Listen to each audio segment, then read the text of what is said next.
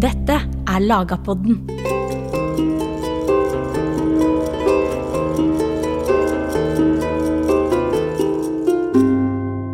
I Kongsspeilen blir borgerkrigene fra 1130 til 1240 framstilt som ei tid da det kom uår i folket, slik at gode seder visna på rot.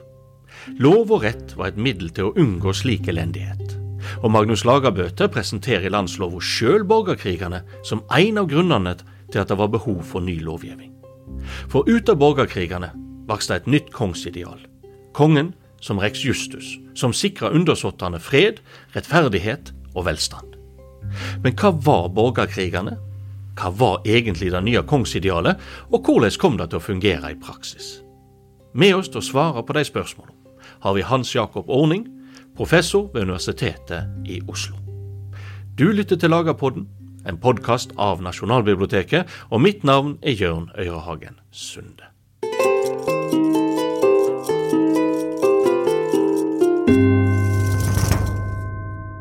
Hans Jakob, kan du fortelle oss hva var egentlig borgerkrigene?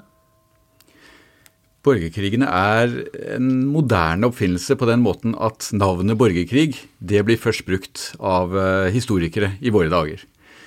Og Det er en betegnelse vi har satt på denne perioden eh, mellom 1130 og 1240 fordi det er en periode med mye konflikt, med mange slag. Eh, bare på 1130-tallet så er det fem slag. Og da har det ikke vært slag i Norge siden Stiklestad. Ja vel?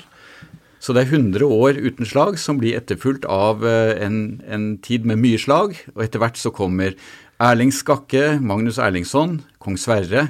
Dette er jo kjente navn, og der får vi de store konfliktene mellom eh, birkebeinerne og hekklungene, som Magnus Erlingssons flokk blir kalt, og etter hvert også baglerne, som kanskje er enda mer kjente.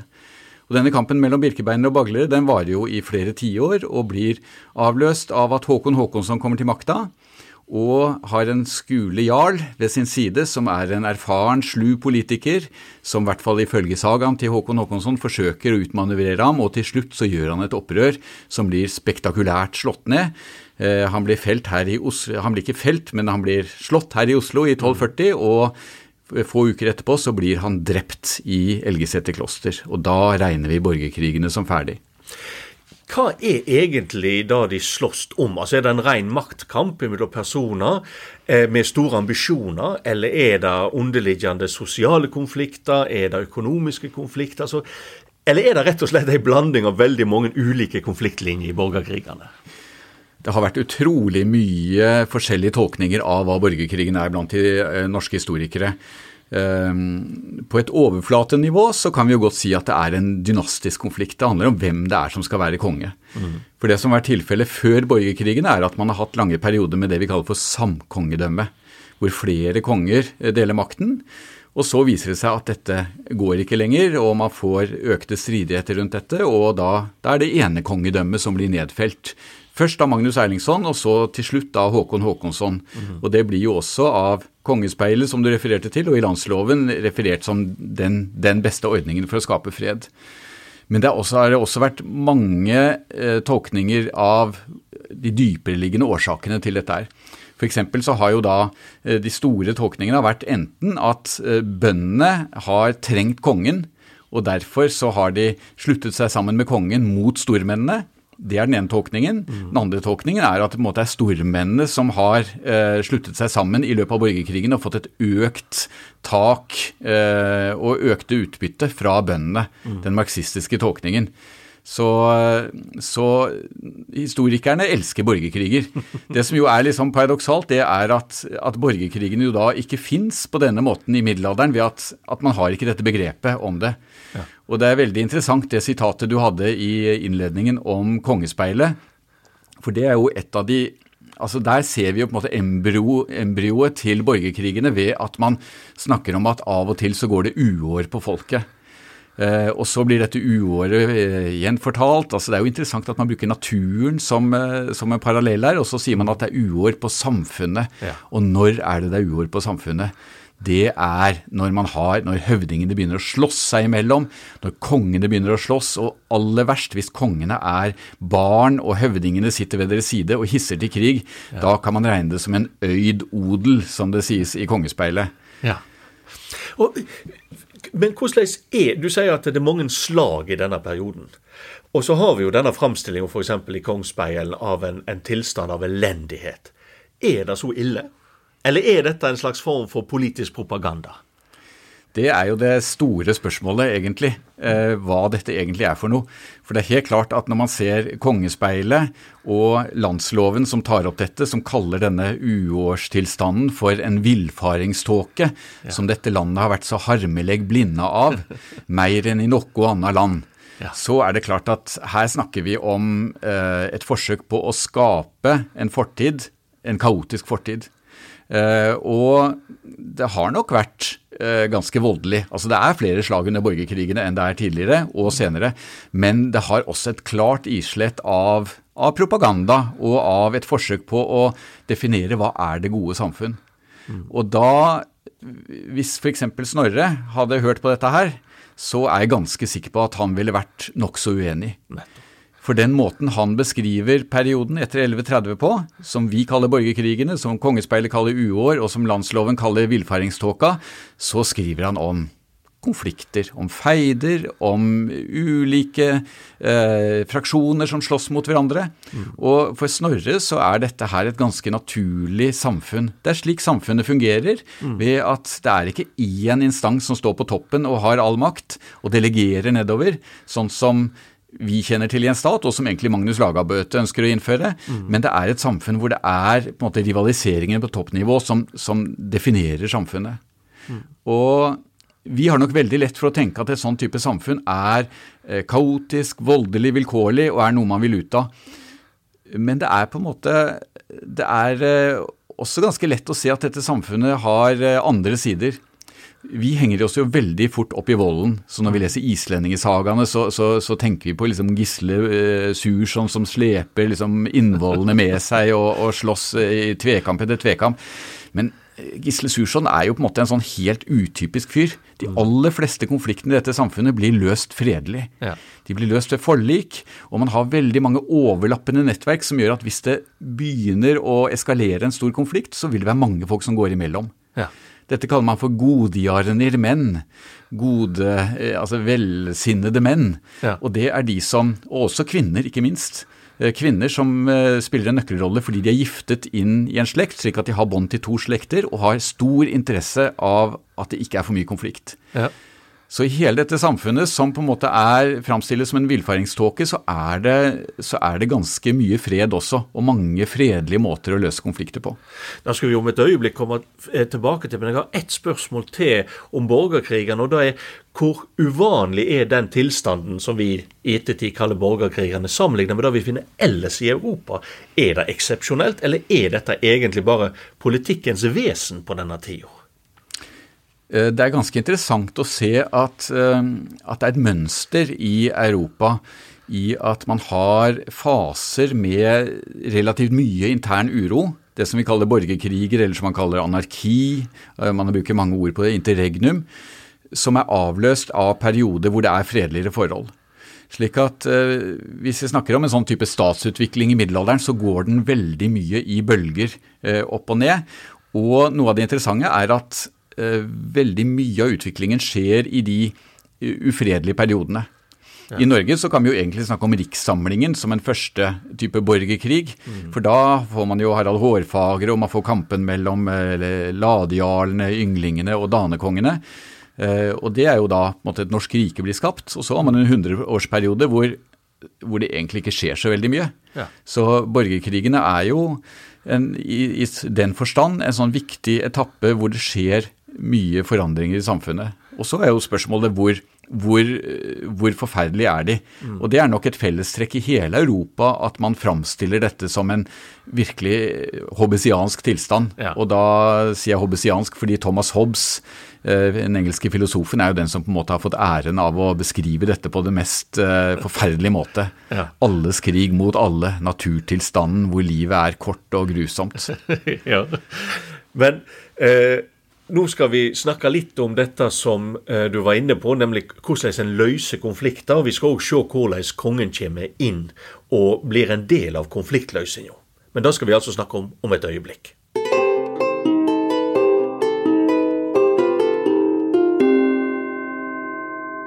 Du var Hans Jakob inne på dette med at det fantes veldig mange måter egentlig å løse konflikter på fredelig. Og En kan vel egentlig tenke seg at, at vold og den voldelige konfliktløsningen egentlig mer riser bak speilet i denne perioden enn den egentlige primærmåten å løse konflikter på. Ja, jeg tror nok at uh, vold har jo aldri vært noe som er behagelig. Vold har en side som er veldig uh, ubehagelig til alle tider. Mm. Det handler om å bruke fysisk overmakt og tvinge folk. Så i den forstand så er det på en måte en antitese til ikke-vold. Uh, og også på den måten at, at de, fleste, altså de, fleste, konflikter blir løst ikke-voldelig. På den annen side så er jo vold noe vi i vårt samfunn har definert som ulovlig. Eh, vold er noe staten kan bedrive, og da kaller vi det jo ikke vold, da kaller vi det jo politi og ordensmakt. Så, så, vi har jo også en sånn allergi for vold som gjør at når vi ser vold, så blir vi veldig usikre og tenker at her er det et samfunn som ikke fungerer. Ja. Eh, men jeg vil nok si at i dette samfunnet så er vold også mye mer oppbyggelig. Altså Vold er også noe som, som kan være Det kan være god vold. Mm -hmm. Fordi det handler om å, om å opprettholde normer. Så hvis f.eks. en nær slektning blir forulempet, så er det viktig å ta igjen hvis man ønsker å være en medspiller i dette samfunnet. Ja. Uh, og på den måten så er på en måte Altså jeg vil si at vold og gavebytte er egentlig to ganske like eh, institusjoner. Mm, mm. På den måten at man utveksler mellom hverandre. Det er en gjensidighet og personlighet som ligger i dette her. Mm. Eh, og en gave er også Vi tenker jo en gave som veldig vennlig, men, men en gave er jo også en utfordring hvis du gir en stor gave til noen, det, det vet man jo i dag òg, at det er veldig ubehagelig hvis man har gitt en mye finere julegave, eh, fått en mye finere julegave enn det man selv gir. Mm. Det, det, det, skaper en gjeld. Ja. Og, og, volden skaper en lignende gjeld. Så alt handler egentlig om hvordan man eh, opererer i et samfunn hvor man egentlig selv har ansvaret for å hevde sin egen stilling. Ja, og her må vi da kanskje ta i betraktning at det er jo ikke slik at det er den sterkeste sin rett uten videre. fordi det er jo òg slik at individet er knytt til etto, til, til klan eller storfamilien. En kan jo velge mange navn. sånn at det, det er jo ikke sånn at en nødvendigvis står alene. Du har både den strukturen, men så har du dette med lokalsamfunnet, eh, som òg inngår i konfliktløsning og inngår i maktrelasjoner. Kan du si litt om disse ulike maktlinjene som går i et samfunn? Mm. Eh, tidligere så snakket man jo veldig ofte om, om dette samfunnet som et ettersamfunn. Mm. Og man snakker om de islandske ettersagaene.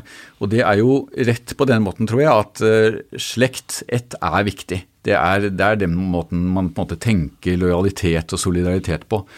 Men samtidig så er det jo et paradoks at slekt er veldig variabelt. Uh, altså en fattig slektning uh, får ikke støtte. Det er ingen som har lyst til å hjelpe en som, som enten ikke har noen midler, eller som bare havner i trøbbel. Mm. Så slekt er noe, og dette har også noe å gjøre med at i, eh, i hele Norden så regner man jo slekt mellom, gjennom både manns- og kvinneledd. Så vi tenderer jo til å tenke slekt, da har vi, da har vi et slektstre. Vi har en mm. avgrenset enhet. Men her går jo slekten, eh, når den går gjennom mann- og kvinneledd, så er den rett og slett kaotisk. Den er helt individuell, og det gjør at slekt er noe du må konkret appellere til. Ja. Eh, og Det innebærer også at slekt egentlig ikke har noe privilegert eh, stilling som, som det båndet man baserer sin posisjon på. Mm. Fordi det er altså det er vennskap. Det er uh, allianser, det er, uh, er patron-klient-forhold. Ja. Det er denne type nettverk som, som, mennesker har. Så når du sier ja, ikke sant, den sterkestes rett, det er, uh, vi er veldig langt derfra. Fordi ja. menneskene er ikke atomer, de er innvevd i sosiale relasjoner og nettverk. Mm. Og det er, det er, forholdet mellom de som på en måte regulerer samfunnet. Mm. Og så inn i disse ganske sånn komplekse, ulike kryssende linjene, så kommer jo kongsmakta. Den skal òg skape seg sin plass, og den skal på en måte skape en ny orden. For det er jo ikke slik at dette går fra kaos til orden, men det er snakk om ulike typer ordener. Og hvordan får kongen sin plass i dette samfunnet? Kongen må nok på mange måter kjempe seg eh, inn i samfunnet. Og den, eh, den, mest spektakulære der er, er selvfølgelig Olav den hellige, mm. som, eh, som, som, jo på en måte har, eh, er berømt for kristningen, men kanskje er vel så viktig fordi han, han forsøker å Altså Han bruker kristendommen også til å forsøke å gjennomkjempe en mer ambisiøs kongsmakt. Mm. Så han er f.eks. en som bryter en del av alliansene med mektige stormenn. Forsøker med nye allianser med kanskje mindre menn. Ja. Eh, ikke ut fra noe bevisst program, tror jeg, men ut fra at han, han er på en måte lei av Erling Sjalgsson. Han, ja. han, orker ikke mer av denne ryggekongen. Han, han må prøve å finne, finne, en vei utenom ham. Og da viser det seg jo veldig tydelig at, at så langt kan ikke en konge gå. Mm. For en konge må spille på lag med de kreftene som er i samfunnet. Eh, halvbroren hans, eh, Harald Hardråde, forsøker jo noe av det samme. Han har Einar Tambarskjelvet, som er en ordentlig eh, pain in the ass, for å si det rett ut. Ja. Han, han, han, handler som en konge i Trøndelag. Ja. Eh, straffer, eh, inngår allianser og alt mulig. Eh, Harald Hardråde vil ikke ha noe av det. Dreper Einar Tambarskjelvet og kan ikke bevege seg i Trondheim etter det. Mm. Fordi det er, alle der er Einars menn. Så kongen er på en måte litt en som han er en stormann, stormann som, ja. som, andre, men også med noen økte ambisjoner om å styre landet.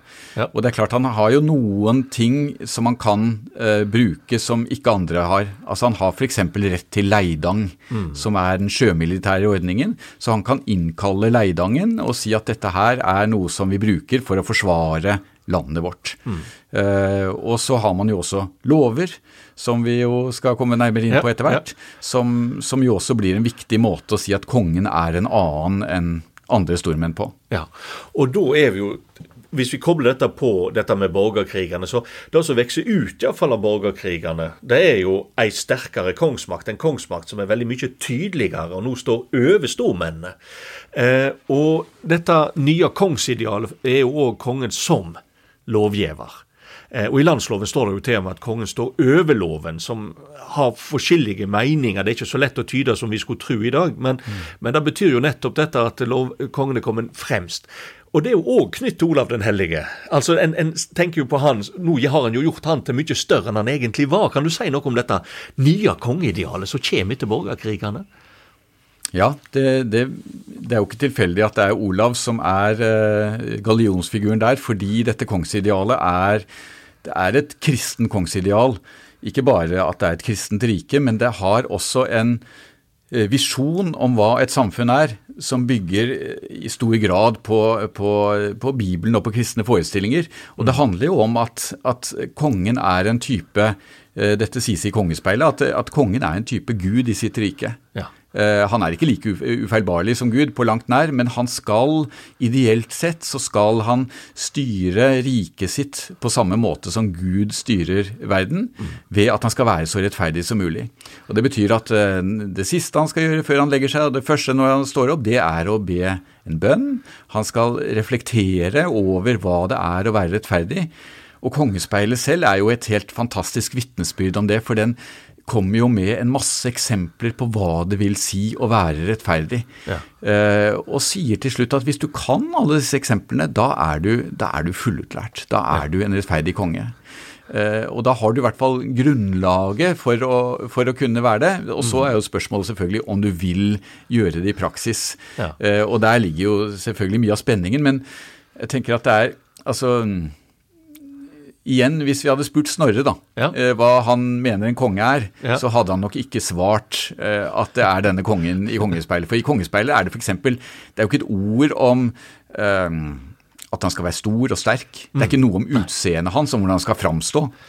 Men for, for, Snorre så er jo kongen er jo den store, sterke mannen. ikke sant? Sånn Olav Trygva som, som ja. danser på årene til Ormen Lange. Og, og man, man, har jo om Sverre, kong Sverre. ikke sant? Han er jo, han er jo lav, men man ja. kan ikke si det. Så man sier bare at han så ut som en konge når han satt. For han var litt lavbent. Så, så, det er på en måte, det er veldig vanskelig å, å tenke seg de, altså Disse to kongsidealene er veldig fascinerende fordi de er så utrolig forskjellige. Ja. Og det morsomme her er jo da du er inne på at Snorre er begynnelsen på 1200-tallet.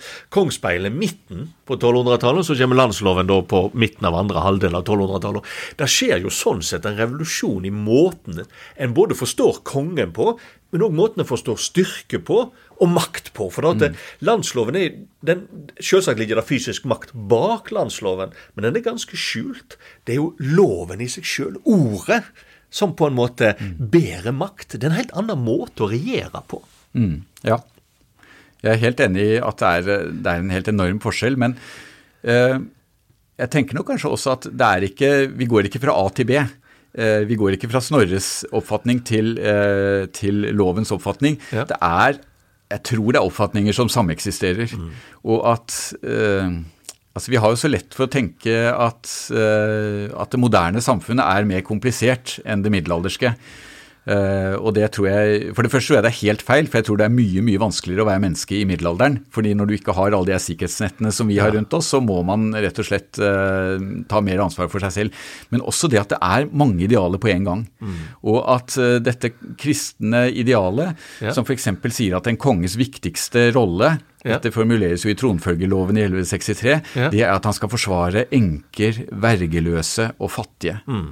Eh, her har vi jo hele den kristne barmhjertighetstanken og tanken om at kongen skal er der for de svake. Egentlig så er jo dette starten på, på rettsstaten. Mm. At kongen skal Hans oppgave er å sørge for at, at alle får, får, får, får lik rett. Mm. Uh, det er klart at den, den forestillingen, den er det mange som ikke er enig i. Ja. Og middelalderen er jo et samfunn som er inndelt i stender. Ja. Altså, Vi har det jo ikke så mye i Norge, men, men, men, dette med eh, de som ber, og de som kriger, og de som arbeider eh, Man ser det jo i lovene, det er jo ulike bøtesatser. Altså, mm. Det er jo veldig det er jo nokså fremmed for oss i dag at uh, hvis du dreper en, en stormann, så skal du betale mer enn hvis du dreper en fattig person. Mm. Men sånn er det. Det er, det er, et veldig hierarkisk samfunn. Og tanken om at, uh, at, man skal forsvare de forsvarsløse, det er nok en tanke som, som ikke ikke alltid vinner gjenlyd i praksis. Ja, og Da skal vi snakke om, om et øyeblikk, for da skal vi begynne å snakke om hvordan eh, landsloven og, og hele dette nye kongeidealet fungerer i praksis. Men først en liten pause.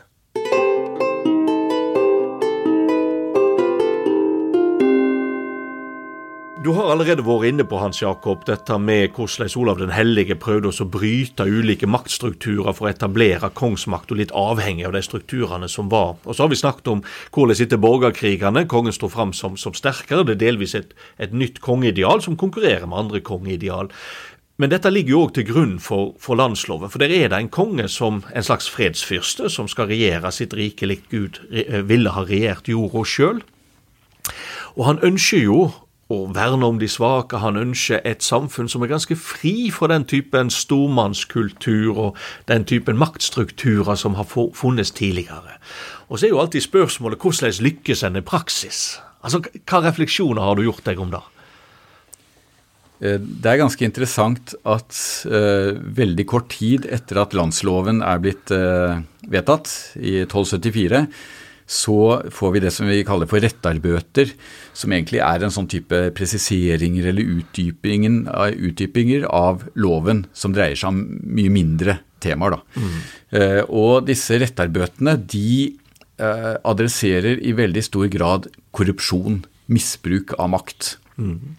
Så det de forteller om, er at eh, kongens sysselmenn, de som er lokale ombudsmennene, de som på en måte skal sørge for at kongens rett blir implementert i lokalsamfunnene, de misbruker sin makt. Uh, og dette har jo historikerne ofte tolket som en sånn type nedgang. Nå er de i ferd med liksom, å bryte sammen dette fantastiske byggverket mm. som man har bygd opp.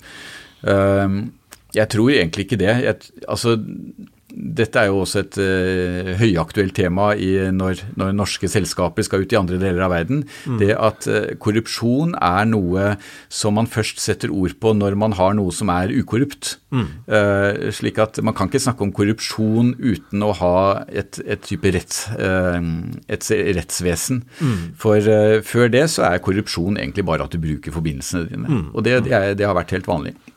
Så jeg tror at, eh, at, denne tanken om korrupsjon som her kommer opp, den tror jeg er ganske viktig og viser at, at noe av det landsloven ønsker å få til, det er faktisk eh, det, Man er langt fra å få det til, men man, man forsøker. Ja. Og, og, en historiker, Andreas Holmsen, mente da at måtte syslemennene de var det råtne ledd i denne bygningen. Ja. For uh, han sa at kongen han vil ha rettferdighet, bøndene vil ha rettferdighet, men så har du disse syslemennene, og Norge er jo ikke noe mindre den gangen det er nå. og Man har altså da 50 sysselmenn syslemenn rundt omkring i norske lokalsamfunn som skal ja. Eh, mele kongens kake, og kanskje meler sitt, litt mye av sin egen kake.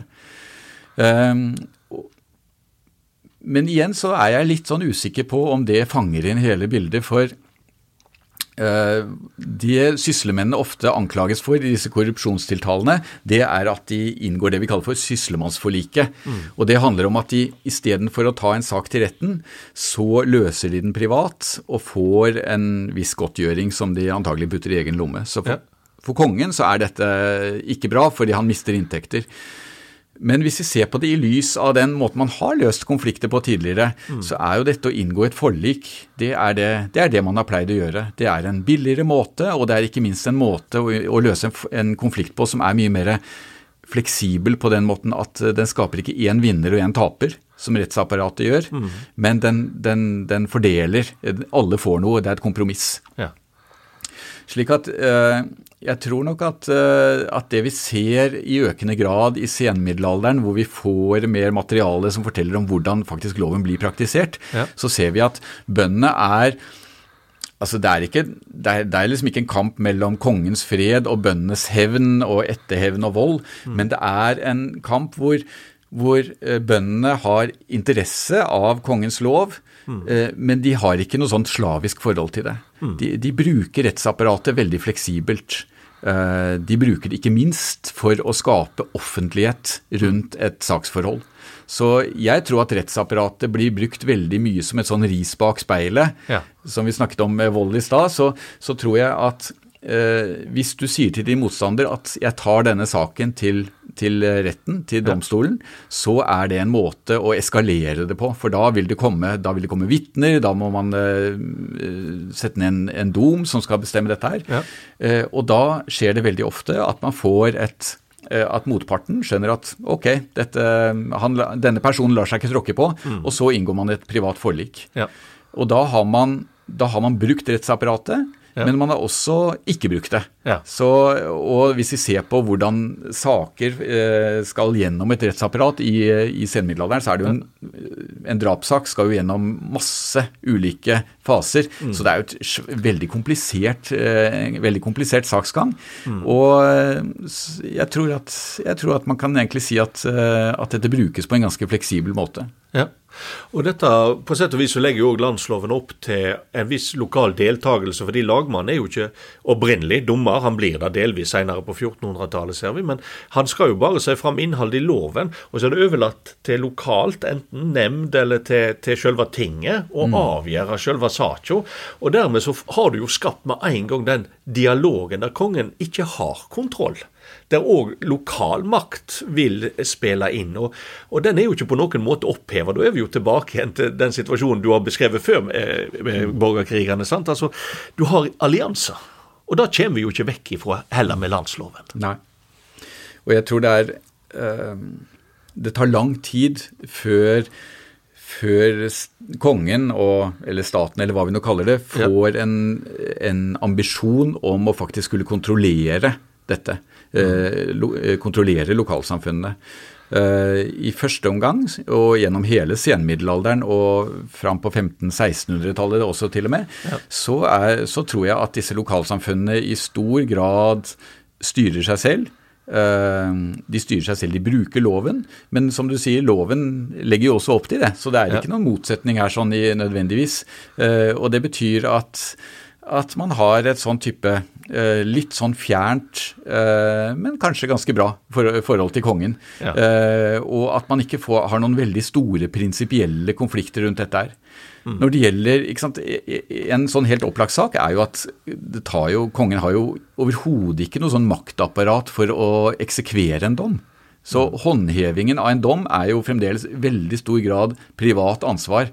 Og, og det sier også noe om at om begrensninger til en lov. altså Hva er poenget med å få en dom i din egen favør hvis, du ikke kan, du ikke kan håndheve den? Mm. Og vil du virkelig håndheve den hvis, du, hvis, motstanderen som du har fått en dom overfor, er mye sterkere enn deg? Mm.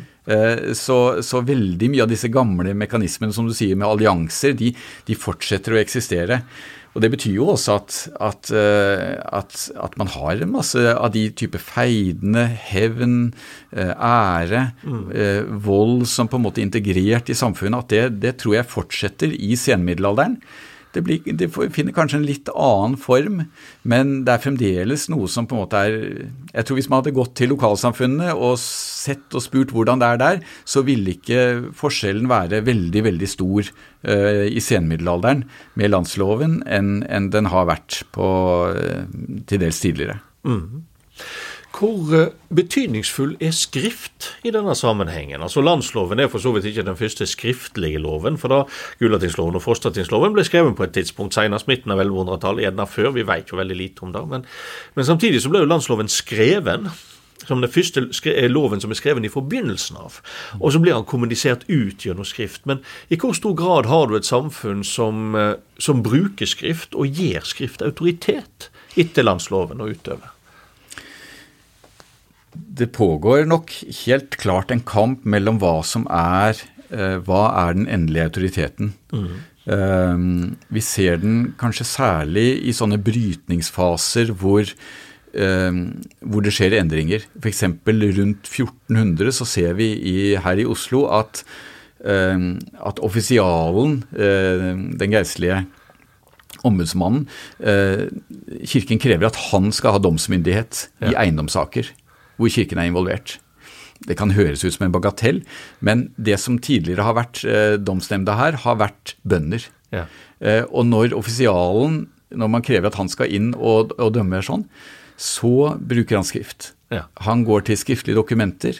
Han sier at her foreligger det et skjøte, eh, kanskje 100 år gammel, kanskje det er fra ja. svartedauden hvor, hvor, det har vært mye omkalfatring og man trengte å få klargjort eh, jordeiendomsforhold. Her sier det, det, det sier så og så. Og så sier bøndene jo, men eh, den eldste mannen i bygda her, eller den, eh, alle de mennene, ja. de sier at det er ikke sånn. Og da har man jo en situasjon hvor, hvor muntlig står mot skriftlig autoritet. Mm. Og, og den typen kamper Eh, tror jeg det er ganske mye av. Og man ser de også delvis nedfelt i, i kildematerialet. Ja. Eh, men det er klart at vi, vi, vet jo ikke så mye om det muntlige, ja. fordi det er forsvunnet. Mm. Men vi ser jo noen interessante sånne forskjeller i hvordan skrift blir brukt. At f.eks. Telemark, Øvre Telemark, som er på en måte det mest avsidesliggende i hele Norge, der, der har kongene aldri vært omtrent, og det, de har ikke betalt vanlig skatt. Og tiende, der er det veldig mye skrift. Og grunnen er antagelig at der er det mye selveie, og der, bøn, altså der skjønner bøndene at hvis de har et skriftlig dokument som sier at øh, 'jeg har rett på denne gården', eller 'i forbindelse med den konflikten så blir jeg tildelt den og den parten', ja. så er det et viktig våpen de kan bruke øh, i fremtidige konflikter. Så Derfor så, så, så, vokser jo skrift også fram, fordi bøndene skjønner at dette her kan være nyttig for dem mm. å, å, å bruke. Ehm, men det er klart at uh, i, i, en konflikt så vil de også stadig kunne vise til muntlig vitnesbyrd. Mm. Så f.eks. Mm. St. Olavs lov, som bøndene er kjempeglade i, det er, jo, det er jo ikke noe skriftlig lov. Det er sedvanen. Det er den måten de de mener at, at, eh, det rette skal være. Slik at loven konkurrerer jo også altså Den skriftlige loven konkurrerer med mange andre mm. eh, måter å se både lov og autoritet på i mm. dette samfunnet. Mm.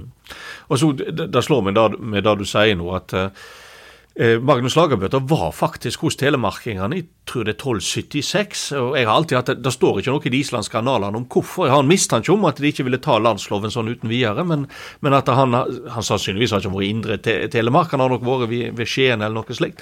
Men så har han overtalt de til det.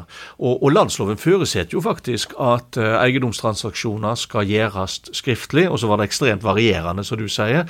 For at i noen deler av landet så, så slår dette rot. I andre deler så har vi jo knapt skriftlige dokumenter i det hele tatt. Agder fylke f.eks. er det veldig få. Sånn at det her er det jo store variasjoner. Jeg tror eh, Hans Jakob, vi kunne fortsette å snakke her i det endeløse. For at, eh, det er mange ting å ta opp, men dette må vi spare til, til senere podkastepisoder. Du skal ha tusen takk for at du deltok og delte med, av din kunnskap her i dag. Takk for at jeg fikk komme.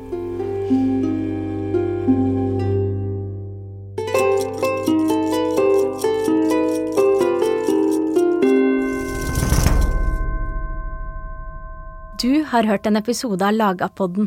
Musikken i denne podkasten er skrevet og produsert av Øyon Groven Myhren. Hør flere av Nasjonalbibliotekets podkaster på nb.no eller din foretrukne podkastapp.